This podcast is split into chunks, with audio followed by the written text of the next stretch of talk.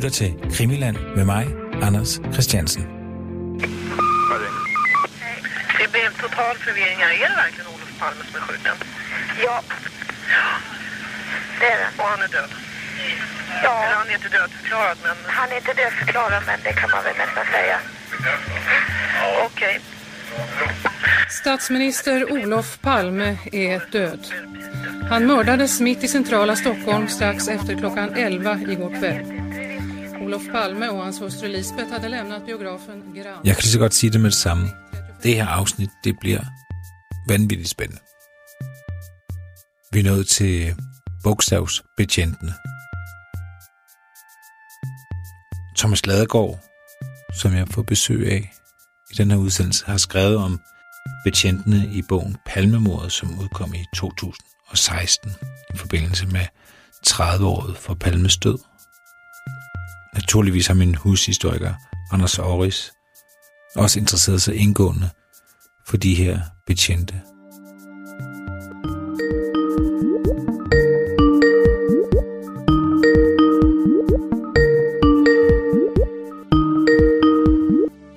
Hej Anders. Hej Anders, hov, nu kom der video på. Det slår jeg lige fra. Ja, det klæder ikke nogen af os. Det er godt, vi er enige om det.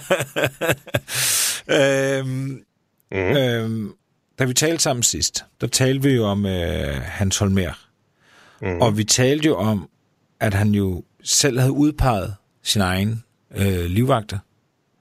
Øh, normalt, fortalte du, så plejer man jo at sige til Sabo, øh, jeg kunne virkelig godt tænke mig, at der var nogen, der passede lidt på mig. Øh, og så sørger de for det. Men han havde udpeget nogen, Og der er noget mere generelt i begyndelsen, som, som er lidt apropos den her kontakt imellem Hans Holmer og Sepo. Og det er, at de tip, der bliver givet om politifolk, og det var jo sådan i begyndelsen, apropos det er noget af det, vi har talt om. Altså i den tidlige fase af efterforskningen, så gjorde svensker, høj som lav, det, der forventedes af dem. Øh, de henvendte sig nemlig, nemlig til, til, til politiet, hvis de vidste noget, eller hvis de havde nogle mistanker, som syntes var relevante. Og der var selvfølgelig også nogen, der henvendte sig om politifolk. I en del tilfælde, så var det faktisk politifolk, der henvendte sig om deres kolleger. Og i den første fase af efterforskningen, faktisk fra 1986 til 1988, sådan på et tidspunkt i 88, der er det sådan, at når politiefterforskningen modtog tip om politifolk, så var det ikke selve Palme-efterforskningen, der efterforskede dem. De blev givet direkte videre til SEPO, den svenske efterretningstjeneste. Så det var sådan, at selvfølgelig var der visse kontakter, men det kunne godt forekomme, at øh, den så at sige åbne politi efterforskning ikke vidste, hvad den lukkede politiefterforskning foretog sig. Og der kom allerede fra begyndelsen af, kom der forskellige tip. Og hvis man skal sige noget sådan generelt om, om de tip, der kom om politifolk, så dem, der henvendte sig, øh, det drejede sig naturligvis om politifolk, der havde udtalt sig fjendtligt om Olof Palme. Og politifolk, man vidste, var øh, på den modsatte politiske fløj af Olof Palme. De bliver kaldt mange forskellige ting, og bliver kaldt mange forskellige ting. Man kan kalde dem højreorienterede, højre radikal, fascistiske, nazistiske, var der til og med også nogen, der kaldte dem. Men der kom der en del tip i begyndelsen om de politifolk, og de gik så direkte videre til SEPO til efterforskning de første par år. Indtil at SEPO så i 1988 overdrog alle de tip, de havde modtaget om politifolk til den åbne øh, palme-efterforskning, så at sige. Ja. Det vil sige, at øh, Hans Holmer, som vi var lidt hårde ved øh, sidst, han har jo faktisk slet ikke haft til opgave i starten at undersøge politifolk. Det har han ikke direkte i hvert fald. Altså i første række, så gav man, det, gav man opgaven til, øh, til, til SEPO at vurdere, om bestemte politifolk skulle efterforskes eller ej. Og det vurderede de, vurderede de, så vidt vi ved i dag, aldrig var tilfældet med nogle af de, af de tip, der kom. Mm. Øhm, og hvis de blev efterforsket, så var det ofte øhm, menige, altså hvad skal vi kalde menige, eller se, se på betjente, kan vi kalde dem lidt forenklet, der stod for øh, at, at afhøre dem, der var mistanker rettet imod. Og så øh, ledte det ikke sådan til, at man på noget tidspunkt gav nogle oplysninger videre til den, til den åbne politi efterforskning, Holmers efterforskning, og sagde, vi synes, I skal efterforske det her nærmere. Altså man modtog tipene, i nogle tilfælde så forkastede man dem, i andre tilfælde så gennemførte man nogle få afhøringer, og så lagde man efterforskningen af det spor til side. Så det var sådan, det gik til i den tidlige fase. Hmm.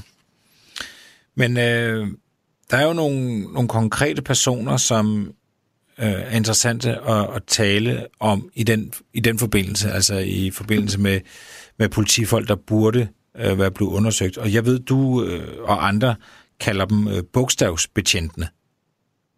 Ja, ja, det Eller det er bare dig, der har fundet på det? Ja, det er faktisk gerne beskedenhed noget, jeg har fundet på, øh, tror jeg nok. Det kan selvfølgelig godt være, at der er andre, der har sagt det før.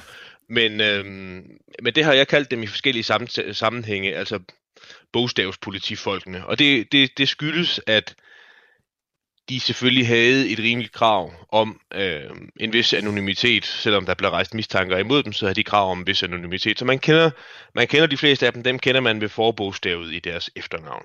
Ja, og, og hvor... Ø, Ø, D, G og så videre. Ø, D, G og K. Å, og så er der også en, der bliver kaldt. Og hvorfor, hvor er det, man læser om dem henne? Altså med forbogstaverne i deres efternavn. Hvor, hvor er de dukket op henne?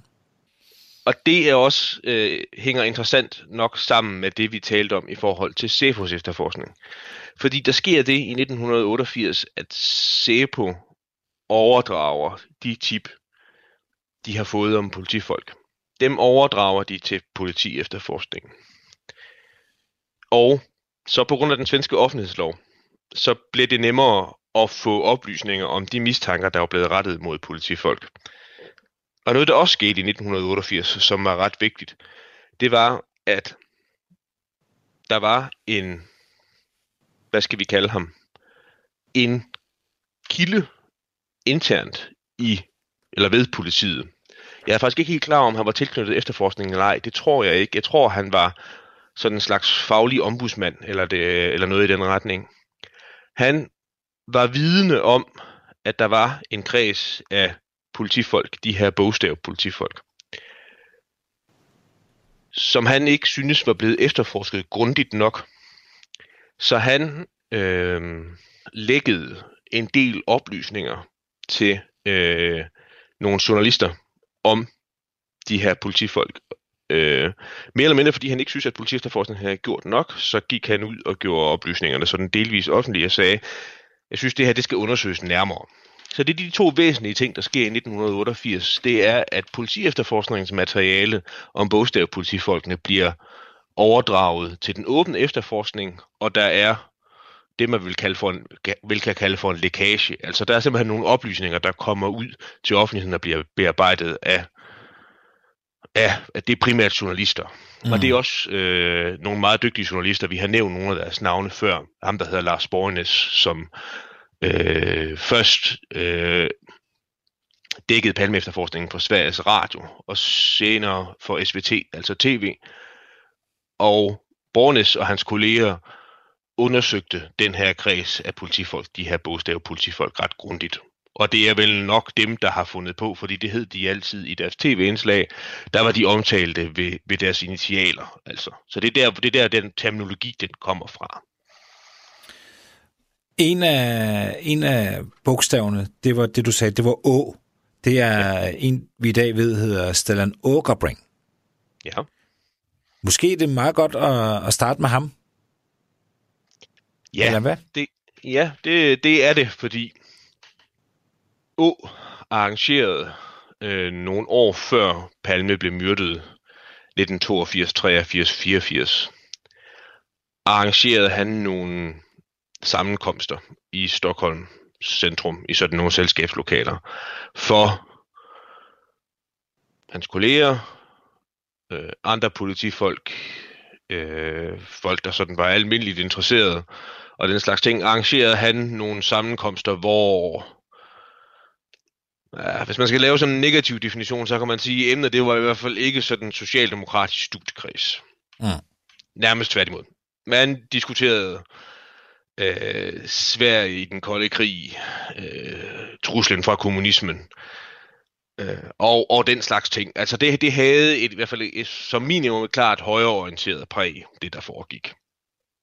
Og det blev sådan nogle sammenkomster, hvor der øh, var sådan en vis tilslutning øh, fra Palmes, både fra hans modstandere, men også fra nogle bidre modstandere.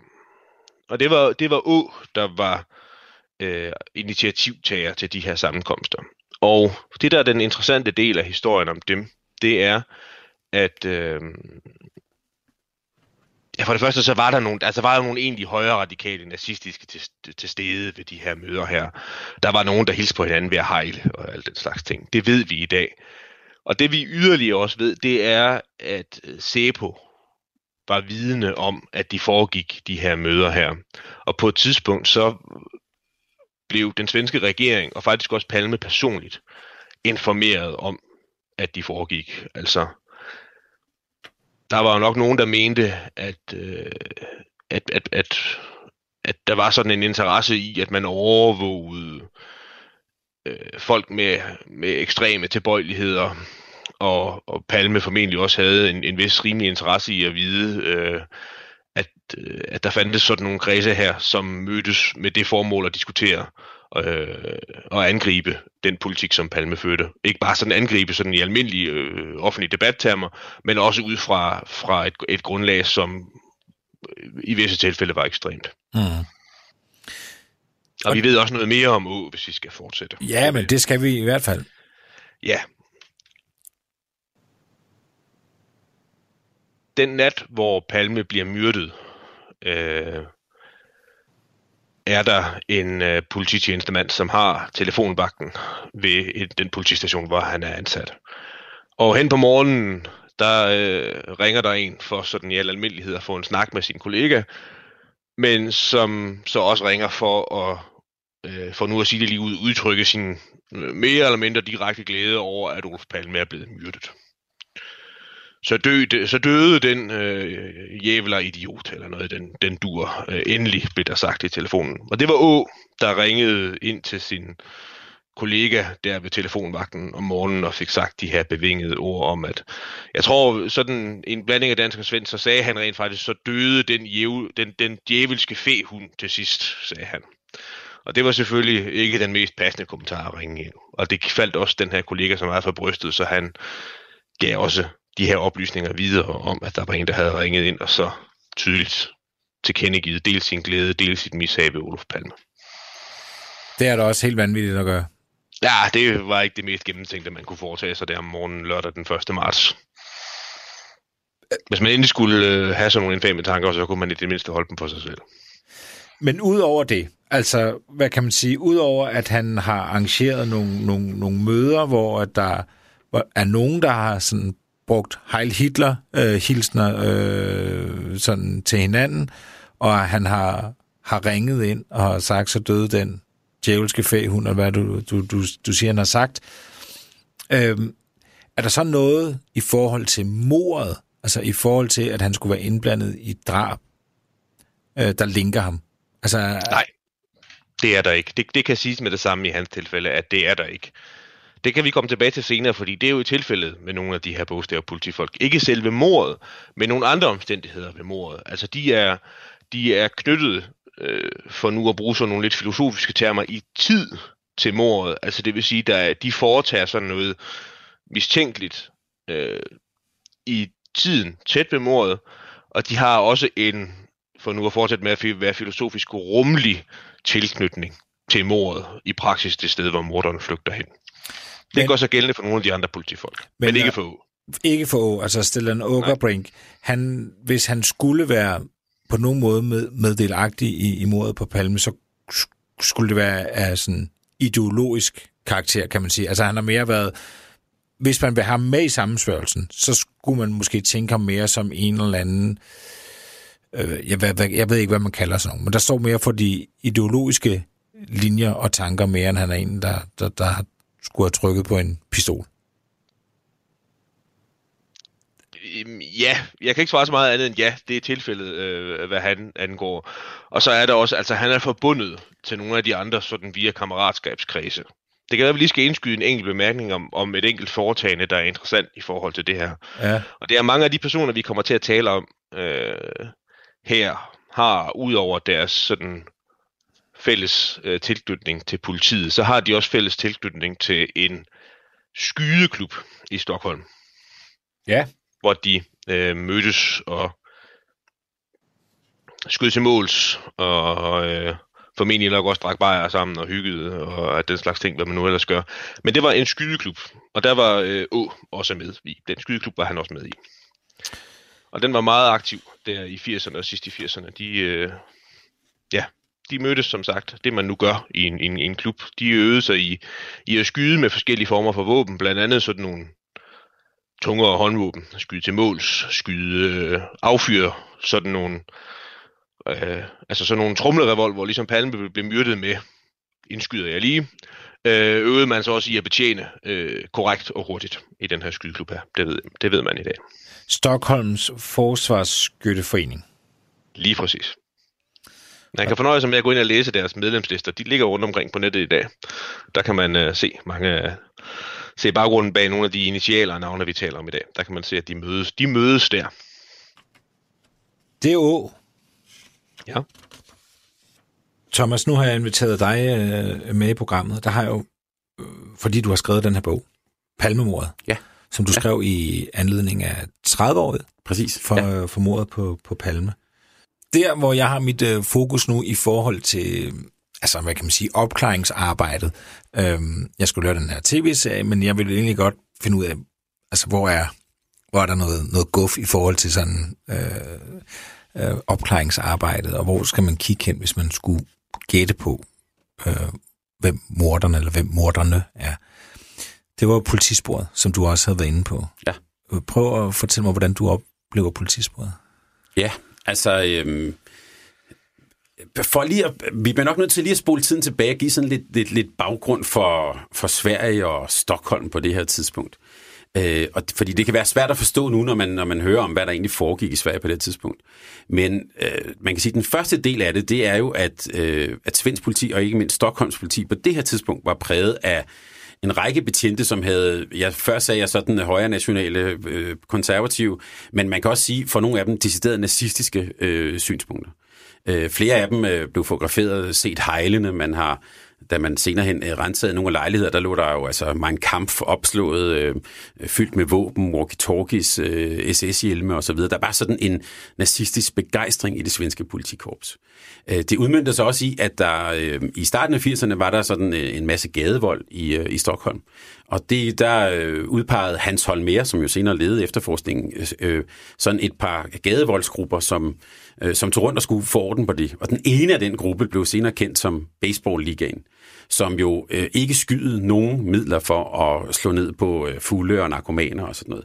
Og det ledte også frem til et øh, blandt andet et dødsfald på en, øh, på en øh, øh stakkels narkoman på Sergels Torv midt i Stockholm, øh, som de hævde ind og, øh, og gennembanket. Øh, og i øvrigt blev, øh, blev frikendt for, at altså, det var ikke unødig vold og så videre. Så der har været nogle, altså, nogle øh, kan vi sige, voldsparate, øh, højre nationale øh, kræfter i det svenske politi. Og det var man altså opmærksom på allerede inden mordet på Palme. Mm. Øh, derudover så, så, så kommer politisporet jo også op, fordi at øh, Stockholms og svensk politi på selve mornatten jo, øh, kan man sige, i bedste fald øh, agerer decideret amatøragtigt. Øh, og den senere grænsningskommission siger også, at der blev begået så mange fejl øh, og handlet så, så ringe, at det er nærliggende at gå ud fra, at det næsten ikke kan have været med vilje. Øhm, altså, øh, altså helt, helt, helt fra, at man øh, til, altså tilsidesætter en hver sådan, øh, øh, kan man sige, praktiske råd med at afspære gaderne, afspære broer, afspære Stockholm og sådan noget. Udsende en risalarm, det sker først sent på natten. Øh, der er ikke nogen reel efterforskning, da, da mordet starter. Og, og øh, ved, det kan være ved skæbnens ironi, men den, en af de første øh, politienheder, der når frem til morpladsen, det er faktisk øh, består af en del af de her medlemmer fra øh, den baseballliga, vi, vi talte om før. Mm. Øh, og det sker i den her meget berømte politivogn 3230, som, øh, som når frem. De, er, øh, de befinder sig om, øh, om bag ved morpladsen. De hører den her alarm, øh, kommer ned til, til morpladsen, og så løber fire betjente med trukne våben op ad trappen efter morderen, der hvor man en af morderne løbet hen. Jamen altså, der er jo, der er jo nogle andre bogstaver. Øhm. oh, Anders. Jeg, synes, jeg, synes, vi, jeg synes, vi skal tage Ø. Hvis du ikke har noget imod det. Nej, det har jeg ikke. Karl Gustav Østling. Ja. Hvad er der med Ø? Der er mange spændende ting med Ø. Øh, for det første er han en af de politifolk, der tidligt kommer nogle tip frem om, altså det jeg nævnte før, at, at, at folk, der vidste noget, følte sig kaldet til at oplyse efterforskningen om noget, der var der kolleger til Ø, der allerede i et tidligt stadium sendte et tip afsted. Altså de ringede ind og sagde, jeg, jeg er enten kollega eller bekendt med den her øh, med den her øh, polititjenestemand. Det var han. Øh, det, det havde han været en del år. Han havde været øh, politimand inden for, for jeg tror jeg fra sidst i 70'erne. Øh, og, og jeg, jeg kender ham her, og jeg synes, I skal prøve at sætte lidt nærmere på ham, fordi han, øh, han har udtalt sig meget, meget fjendtligt om øh, Olof Palme og om Olof Palmes politik. Så de tip kom der tidligt øh, ind, altså de kom tidligt ind til politi efterforskningen. Og politiefterforskningen undersøgte også, hvad Ø havde foretaget sig den 28. februar 1986. Og Ø var sidst i februar, den 21. eller 22. tror jeg, var han blevet indlagt på hospitalet med en øh, og jeg ved ikke helt, om det hedder det på dansk, men altså en øh, blindtarmsproblemer, en sprængt blindtarm, blindtarmsbetændelse eller noget i den dur. Mm. Og var blevet opereret.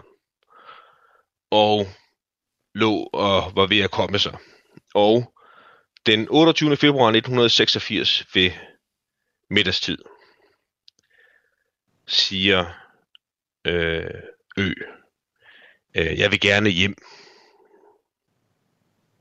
Og så siger lægerne, det er vi er ikke sikre på, at det er en, en god idé. Så siger jeg, jo, det vælger. jeg. Jeg er træt af at ligge her, og jeg er træt af at ligge. Han, han lå på en firemandsstue, og det passede ham åbenbart ikke så godt, så han ville hellere hjem. Så han tog hjem i sin lejlighed, der lå øh, inde i det centrale Stockholm den 28. februar, og ville så hellere sidde i en stol eller ligge på sofaen der og have det dårligt. Og havde også besøg af forskellige personer, der kunne fortælle noget om, hvad de havde foretaget sig, og fortælle noget om, hvordan Ø han befandt sig. Og det gjorde de så også efterfølgende. De sagde, at han var, de havde været der, de havde overrakt, overrakt ham en, en æske chokolade og sagt, det var vel nok været noget værre noget, og holdt ham med selskab, og så var de gået hjem igen. Og så havde han ellers ligget der og haft det dårligt, og så på et tidspunkt om natten, så var Ø blevet ringet op, og så havde han fået at vide af en kollega, at Olof Palme var blevet slået ihjel. Det er, hvad vi ved i dag om, hvad Ø selv sagde, han foretog sig den 28. februar 86 og 1. marts 86. Ja. Så, så hvad er det, du siger her? At øh, han ikke har noget alibi?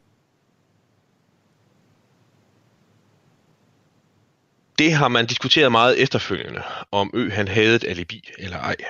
Fordi han havde ikke et alibi i den forstand, at der var nogen, der kunne fortælle, at han havde været et bestemt sted om aftenen, der hvor Palme blev myrdet. Vi har kun hans egne ord for, at han var alene derhjemme. Der er sådan en term, der hedder et medicinsk alibi.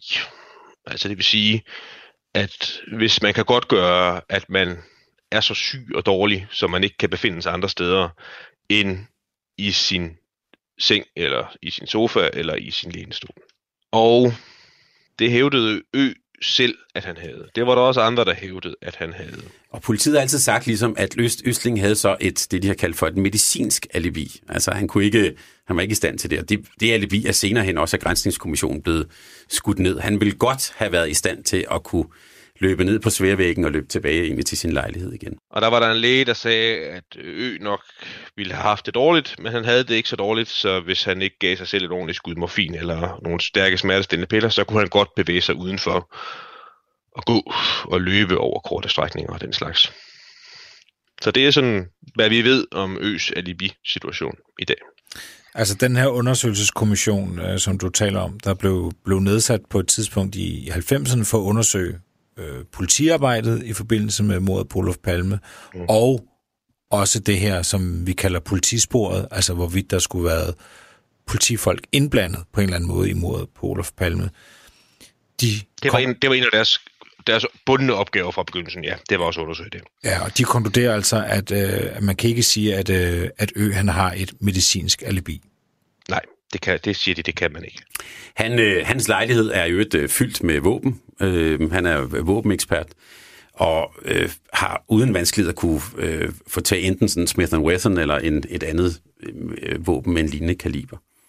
Øh, så hans, øh, øh, hans tilknytning til morstedet er for mig måske noget af det, der gør det her politispor interessant. Hvis vi skal vende tilbage til, det, til, til den anden del af de der filosofiske begreber, en, en, sådan introduceret, nemlig tid. Det der med, med at han forlader sygehuset øh, umotiveret den 28. februar, det er den tidsmæssige forbindelse. Han må skulle et eller andet vigtigt. Det andet er den rumlige tilknytning. Og det er, at Ø, han har, på det tidspunkt i 1986, der har han et firma, der sælger, øhm, de sælger våben. De sælger, hvad skal vi kalde det, sådan noget sikkerhedsudstyr. Ikke sælger, men også agenturer. Altså imp- de importerer alt sådan noget øh, i sin kram. Øh, skudsikkert glas, og de øh, kunne, kunne skaffe stort set alt skudsikre veste og alt den slags ting. Han havde et firma, sammen med øh, i øvrigt øh, en af de andre bogstaver, skal vi kalde dem det, nemlig ham, der hedder G. Og det firma havde øh, kontor på David Barkers gata i Stockholm. Og det er tilfældigvis den gade, hvor øh, morderen flygter op af. Altså som vi kan huske fra det første afsnit, så bliver så sker mordet i et, et, et, et gadekryds, altså ved sådan en motorgade i Stockholm, og så flygter gerningsmanden øh, ind af en smøge, op ad nogle trapper, og så ned af sådan en, en beboelsesgade, en sidegade i Stockholm. Og den gade, han flygter ned af, det er David Bakkers gata. Og der på David Bakkers gata, som er sådan en relativt kort gade, hvor lang er den? Den er måske 150 eller 175 meter. Jeg har selv været der. Der havde Ø og G's firma, der havde de øh, kontorlokaler. Så Ø havde et, et, ja, for nu at sige det lige ud, han havde et kontorlokale, og det ligger stort set der, hvor vi mister kontakten med gerningsmanden. Jeg skal understrege, at dermed siger vi jo selvfølgelig ikke, at Ø han har noget med mordet at gøre, men øh, sådan er det altså. Ja, det var lige godt. Det var altså. påfaldende sammentræf.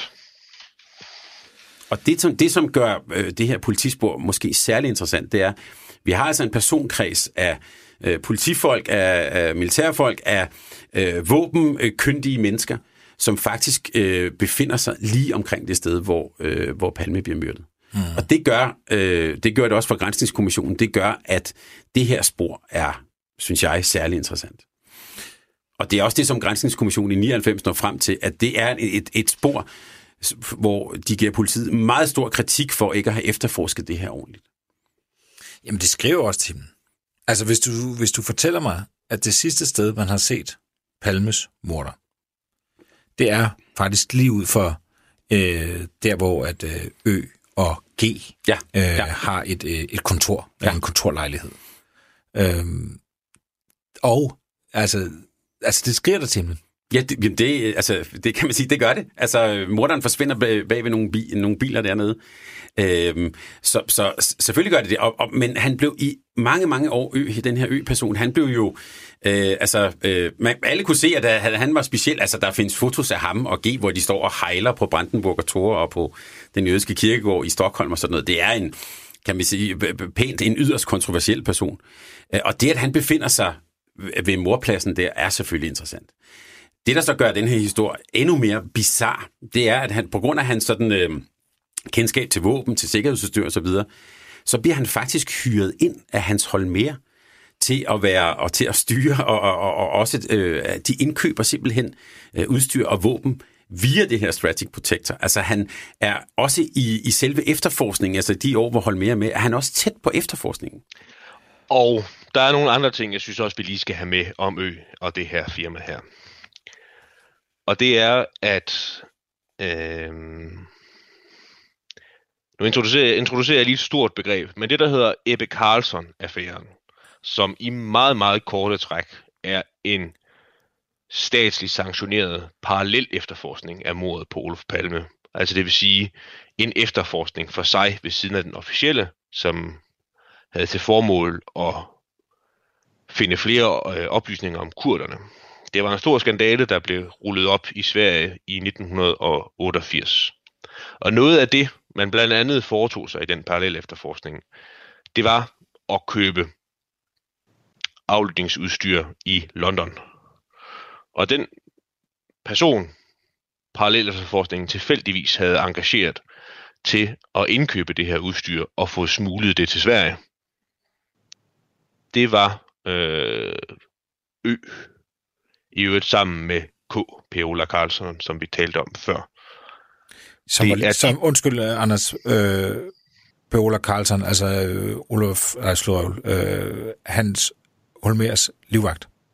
Ja. Ø laver i det hele taget en hel del udmærkede forretninger på baggrund af øh, efterforskningen af mordet på Olof Palme. En ting er, at han er engageret til den her parallel efterforskning. Han leverer også øh, skudsikkert glas til øh, Palmerummet, hedder det. Altså det rum i, på politigården i Stockholm, hvor øh, hele efterforskningen spidser sidder, sidder samlet. Den bliver udrustet med skudsikkert glas, som det er Øs, og det er Øs firma, der leverer det. det siger selvfølgelig heller ikke noget om, at han har noget med mordet på Olof Palme at gøre, men øh, han havde i hvert fald gode forbindelser øh, og tjent gode penge på efterforskning.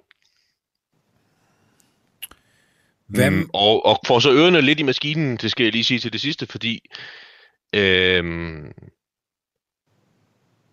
da den her parallel efterforskning, da den bliver offentliggjort, og altså kommer til offentlighedens kendskab, og den kommer faktisk til offentlighedens kendskab ved, at en af de smugler operationer, som man laver af overvågningsudstyr, den går galt på et tidspunkt. Altså, øh, jeg skal næsten fortælle hele historien, fordi den er ikke helt, den er, man kan ikke sige, at den er helt fri for at være underholdende. Og det er, at øh, man har været i London og købt noget elektronisk overvågningsudstyr, eller det har Ø og K.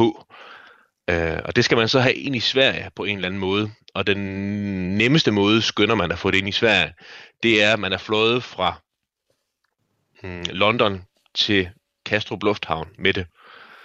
Og da man så vil have det ind i Sverige, så skynder man, at det bedste det er at køre til Helsingør og tage færgen til Helsingborg. Øh, og så på den måde få det aflytningsudstyr ind i Sverige. Og det er Ø og K, der er undervejs sammen. Og øh, de øh, kommer så øh, øh, ja, det, det, er helt, det er næsten barokt morsomt, fordi de fylder det i en svensk lejebil, og så kører de, og så tager de færgen, og Ø han tager færgen som gående passager. Det vil sige, det er K, der skal sørge for at få bilen sikkert i land, og Ø han er bare ombord som gående passager. Øh, og da K han så fører den her hvide Saab 9000, hvor de har aflytningsudstyret liggende i bagagerummet ind i Helsingborg, og Ø han er gået i land som gående passager, og øh, så bliver K taget i tollen med alt det her aflytningsudstyr. Og så ruller hele den her parallel efterforskningsskandale, og det er K, der står der i tollen i, Stok i Helsingborg og har en masse problemer.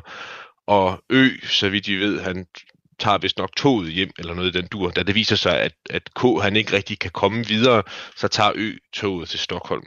Og så ruller skandalen selvfølgelig, at både, øh, både Ø og K bliver blandet ind i øh, en, en, en retssag om smugleri selvfølgelig, fordi men det, det var ikke tilladt at indføre sådan noget elektronisk aflytningsudstyr. Så Øh, Udover de gode økonomiske fortjenester, så fik Ø også en, øh, en retssag om smugleri på halsen, som følge af hans tilslutning til efterforskningen af mordet på Olof Palme.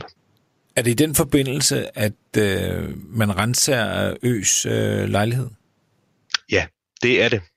Lad os bare sige, at hvis han ingenting har med det her at gøre, så er det i hvert fald... Øh, han er i hvert fald en, så går han igennem den her historie som et, som et lille spøgelse, vil jeg i hvert fald sige. Øh, han er der næsten hele tiden. Ja.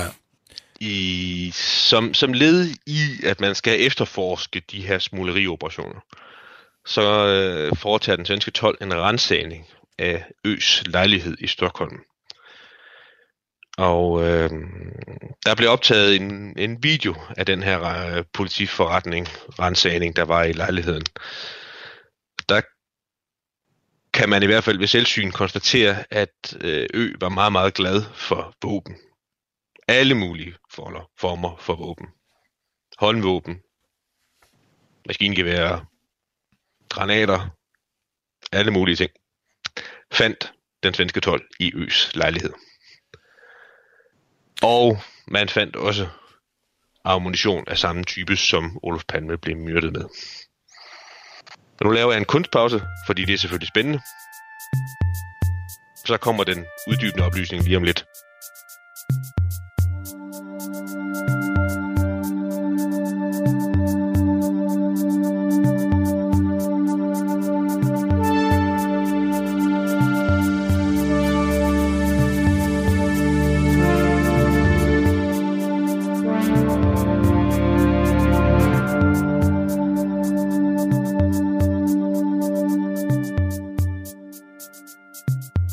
Lavede selvfølgelig også sådan en blyisotopisk undersøgelse af den ammunition, man fandt. Og mente ikke, at det kunne være den, der var blevet brugt ved palmemordet. Men han havde dog den type ammunition. Hvordan, hvad, hvad er det for en type undersøgelse? At man kan ud fra den ene kugle se, at den er ikke kommet med samme parti som den, der blev brugt, eller hvad er det, man kan finde ud af? Ja, det kan man. Det kan man studere ved at studere den isotopiske sammensætning af blyet i, en, i, i, i ammunition, simpelthen.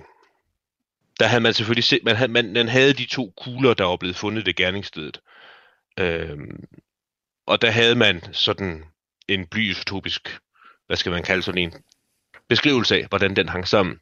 Og det var ikke samme, samme, altså samme, hvad skal man kalde sådan en, hvad hedder det, øh, øh smeltning, øh, sammensmeltning, øh, som, som den, altså den type ammunition, som Ø havde. Altså det var samme type ammunition, men blyisotopisk var der forskelle mellem ammunitionen. Okay. Det er sådan lidt våbenteknisk. Og det er også ved den lejlighed, at de finder billeder af Ø, der står og hejler foran Brandenburg øh, Tor og på den jødiske kirkegård i Stockholm. Ja, det står han og gør sammen med, efter hvad jeg ved, G. Og man finder også øh, sådan nogle netværkskort over telefonnettet i øh, Stockholms centrum. Der finder man også i Øs lejlighed. Så det har han også været fortrolig med. Ø og G, øh, skal vi kalde det, byttede, byttede sådan på kammeratlig vis job i 1986, fordi G var sikkerhedschef ved, det hed Televærket, det vil svare sådan lidt til Rigstelefonen, eller Tele Danmark kan man også kalde det dengang. Der var han øh, sikkerhedschef i et par måneder i 1986, blandt andet øh, i februar 86, hvor, hvor Palme bliver myrdet, af hans sikkerhedschef og, og havde blandt andet ansvar for øh, overvågningen af walkie-talkie-trafikken i Stockholm. Altså de, de, de frekvenser, man brugte til walkie-talkie overvågning af dem, det var G, der havde ansvaret for det. Og det nåede han så med at være en 6-8 uger i, øh, der først i 1986, og da han så ikke ville være sikkerhedschef i Televærket mere, så overtog Y-stillingen efter ham. Så der var mange sådan private og professionelle veje, der krydsedes der. Okay. Nu skal jeg se, om jeg har fået det hele med her.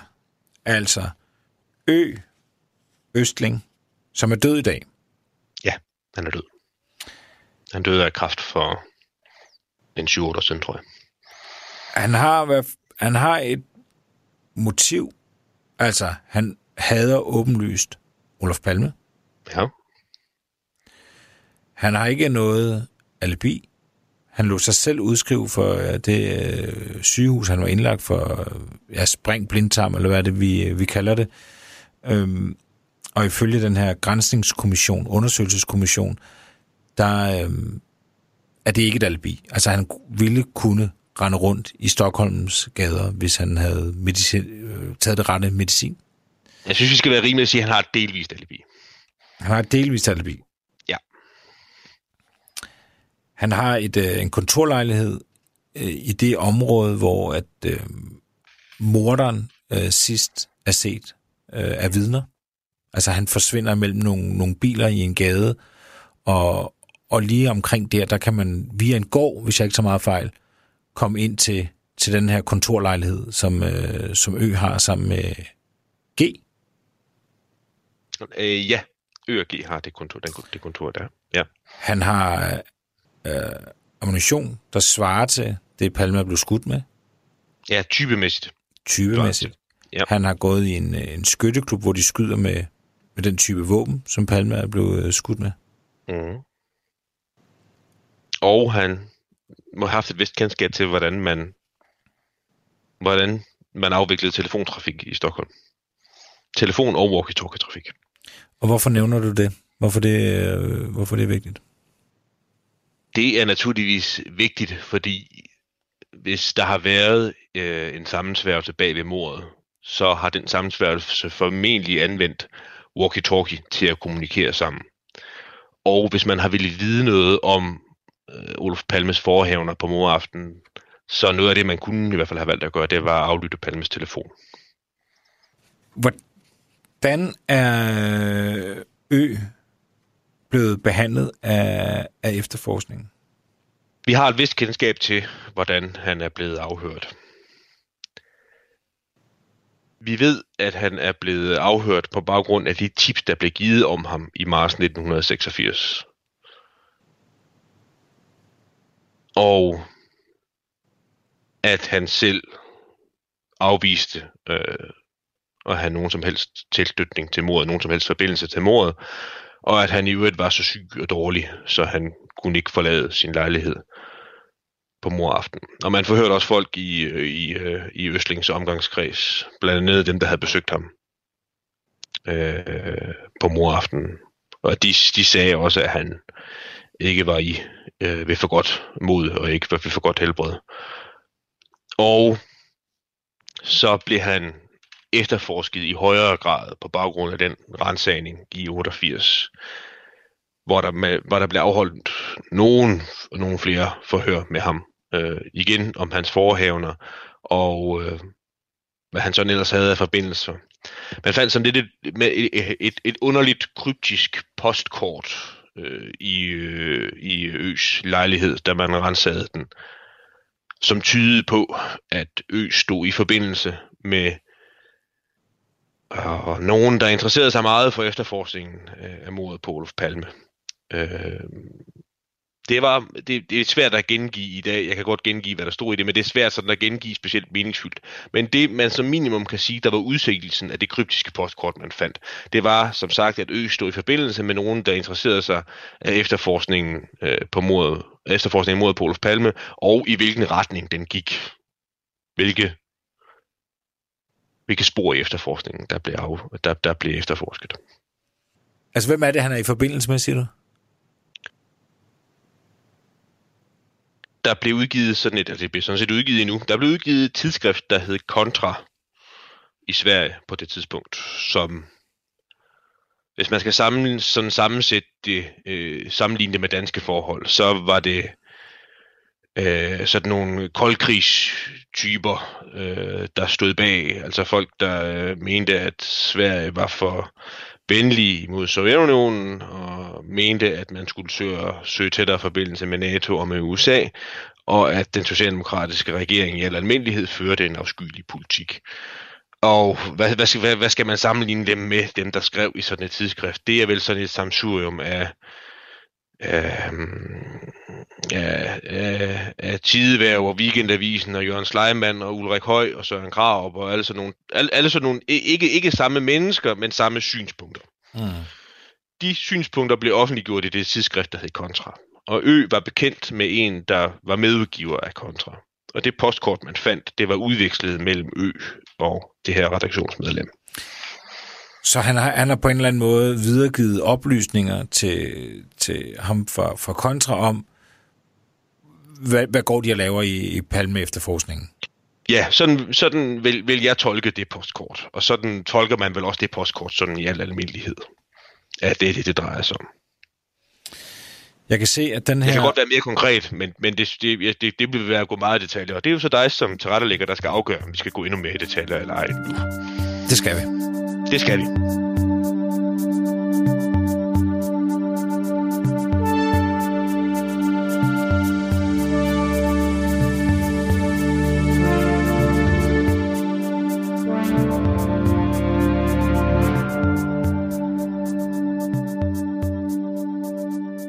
Der står i det her postkort, øh, står der, at, nu skal jeg se, om jeg kan huske ordret, hvad der står. Der står i hvert fald, at svinet på den anden side bliver fortsat opskræmt af fantombilledet, står der så for det første. Hvem er svinet på den anden side, og på den anden side af hvad, og hvad har fantombilledet med det at gøre? Ja, det har i hvert fald nok noget med Olof Palmes død at gøre, i og med fantombilledet bliver nævnt. Og så står der øh, noget af det, det mest kryptiske ved postkortet, så står der, sæt dig straks i forbindelse med enquete manden. Altså det vil sige en mand fra en bestemt by i Sverige. Og så står der ud over det, så står der også i postkortet, at jernbanesporet bliver stadig varmere. Står der så. Og hvis jeg skal tolke det, og ja. tolke det sådan nogenlunde sammen med nogle andre, så ved man, at i 1988 efterforskede man, eller havde man i hvert fald, var man i gang med at efterforske den teori om, at mordet var udført af en mand, der havde handlet alene, og han var taget ind til Stockholm på eget hånd og havde begået mordet. I praksis må man nok sige, at det betyder formentlig Christa Pettersson. Altså man efterforskede allerede Christa Pettersson på det tidspunkt, og man vidste, at den måde, han var kommet, på, var, var kommet til Stockholm på, det var, at han havde kørt med, med hvad, hvad hedder det, S-tog, pendeltog, hedder det på Sverige. Altså sådan en, en lokal togbane fra den forstad til Stockholm, hvor han boede, og var taget ind øh, til byen på den måde. Mm. Der er en anden mulighed, det også kan være, og det var, at man havde fundet en, øh, en, en, en kugle øh, af samme type som den øh, Olof Palme blev myrdet med, havde man fundet i en, så vidt jeg husker, en, en, en tunnelbanevogn, altså en metrovogn i Stockholm noget tid efter mordet. Men det er sådan variationer over samme tema igen. Altså, at man efterforskede en eller anden form for alene agerende gerningsmand, der havde øh, myrdet Palme. Så det er det med jernbanesporet, Ja, der stadig bliver stadig varmere. ja. Jeg tror, det er Christa Pettersson, man hentyder til. Altså, man var allerede på det tidspunkt i gang med at efterforske Christa Petterssons færden. Og den havde han jo selv øh, fortalt politiet om, da han var blevet afhørt første gang i 1986. Men politiefterforskningen var på det tidspunkt allerede i gang med at kortlægge, om det Christa Pettersson han havde sagt, det han havde sagt, om det kunne passe, om tidsskemaet for hans togrejse kunne passe eller ej. Så er der svinet på den anden side bliver stadig opskræmt af fantomtegningen. Ja. Altså tænker du, at svinet på den anden side er palme? Ja, det vil jeg gætte på. Altså den anden side, som at når man er død, så man kommer over på den anden side, at man er, kunne forestille sig, at, at, at man i de kredse, som Ø færdes i, omtaler Palme som et svin. Men, men hvorfor skulle han blive opskræmt af fantomtegningen?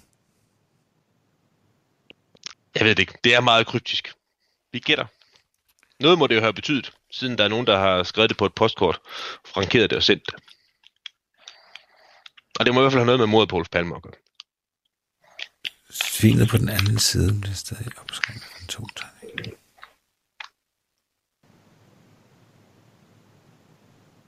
Ja, det kan jeg ikke regne ud. Altså, skulle det så være, at det, det er Nej, det forstår, jeg forstår det ikke. Det er også meget, meget underligt og meget, meget kryptisk. Jeg er mest sikker på, på den del med, med jernbanesporet, der bliver stadig varmere. Er jeg mest sikker på.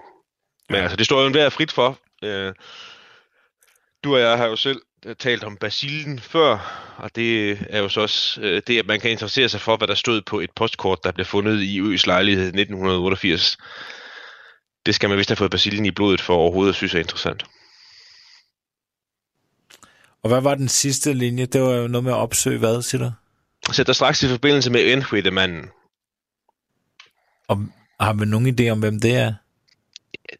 Det har man. Altså, det er formentlig egentlig nu et, et kontra, altså et, et, et redaktionsmedlem i kontra, der boede i en huette. Men, men jeg ved ikke, der er blevet gættet så meget på, hvem det har været, men øh, det er en af dem, man har gættet på. Det var et kontramedlem, øh, kontraredaktionsmedlem mere. Jeg kan jo tilføje i forhold til Ø, at øh, den her undersøgelseskommission, de skriver jo faktisk, at han, altså Ø, burde have været genstand for en mere indgående undersøgelse fra starten. Det, som er gjort efterfølgende, er gjort for sent. Det er meget præcist sagt af Grænsningskommissionen, må man sige. Vi, vi, nu vi har, har øh, taler om Grænsningskommissionen, synes jeg, det er værd at nævne, at et af medlemmerne, øh, Ingabrit Alenius hedder hun, hun lever sådan set endnu, der øh, var sådan en slags levende legende i den svenske rigsrevision. Øh, sådan endelig øh, over de danskere, der er gamle nok til at kan huske Erik Hofmeier, som var nationalbankdirektør i en menneskealder. Altså sådan øh, i offentligheden et billede på hederlighed og ubestikkelighed. Hun var med i den kommission. Og hun har udtalt, at den kreds af politifolk, man kan læse om ved at studere medlemslisterne i Forsvarsskytteforeningen, det, det var en skandale, at de ikke var blevet efterforsket grundigere, og så også i praksis ø. Så vi har, det er bare mere for at tydeliggøre over for lytterne, at vi har nogle stærke allierede, når vi taler om de her folk her og deres forbindelse till mordet på Olof Palme. om de här eh, grupperna som man... eh, Ja, men det säger att det redan fanns ju papper på vad, vad de gjorde. Har, har du set nogle af de der samtaler? Øh, altså udover at han lavede, øh, eller han, de lavede de der dokumentarudsendelser, Borne Zabreski, så lavede de de her øh, store øh, uds, udspørgninger af efterforskningsledelsen, altså hvor, hvor Ølvebro, ham der var efterforskningsleder på det tidspunkt, så sad han og lød sig udspørge af de her journalister efterfølgende. Har du set nogle af dem? Der taler de meget, meget indgående om ø. Og så siger Ølvebro, som jo ellers sådan er personificeringen af sådan en, en, en lidt underdanig, men meget korrekt svensk embedsmand, så siger han sådan noget i retning af, vi kan, vi kan jo ikke tage ham ind til forhør og tæve ham på knæskallerne, indtil han Du tilstår frågar, du vet Det siger han. vad man gör. om ø. Nej, Men vi anser alltså att vi har gjort det man kan göra inom lagens råmärken. Och det, Vi kan ju inte ta in honom och sparka honom på knäskålarna och tortera honom tills han erkänner. Det vet ju själv vad det innebär. man hittade ett vykort 88. Men, men Anders, hvad er det, du siger her? Er det, har vi fundet Palmes morter her, ifølge dig, af Nej, Carl Gustav? nej, nej, Nej, det har vi ikke, og det er da en god. Ja, det, det, det, det, det, det tror jeg simpelthen ikke på, at han kunne. Det tror jeg på, at det er rigtigt, at det, det var han ikke medicinsk i stand til. Men han var i stand til noget andet, som var meget vigtigt. Og det er jeg til gengæld ikke helt sikker på, at jeg vil, øh, at vi, ja, vil jeg citeres for det, eller ej. Det vil jeg ikke. Jeg, vil, jeg er ikke sikker på, at jeg vil citeres for, hvad jeg, hvad jeg tror, han skulle. Men jeg vil gerne fortælle dig det. Bliver jeg for kryptisk, bliver jeg for kryptisk nu? øh, nej, det Det er, bare fint. fordi, det, der er ikke noget som helst fagligt bagved. Det er mest det, drejer sig om. Jamen, så synes jeg ikke, vi skal sige det. Nej. Nu kan jeg fortælle dig det alligevel. Ja. Jeg, jeg tror, grunden til, at han skal ud, det er fordi, de skal bruge ham. Det er ham, der har revolveren. Han har jo alle de her våben alle vegne. Og så bliver der sat en operation i gang den 28. februar, og så skal de bruge revolveren. Så det er derfor, han er nødt til at stikke, rende hjem. Ø. Det er fordi, han er den eneste, der har, der har et våben, de kan bruge.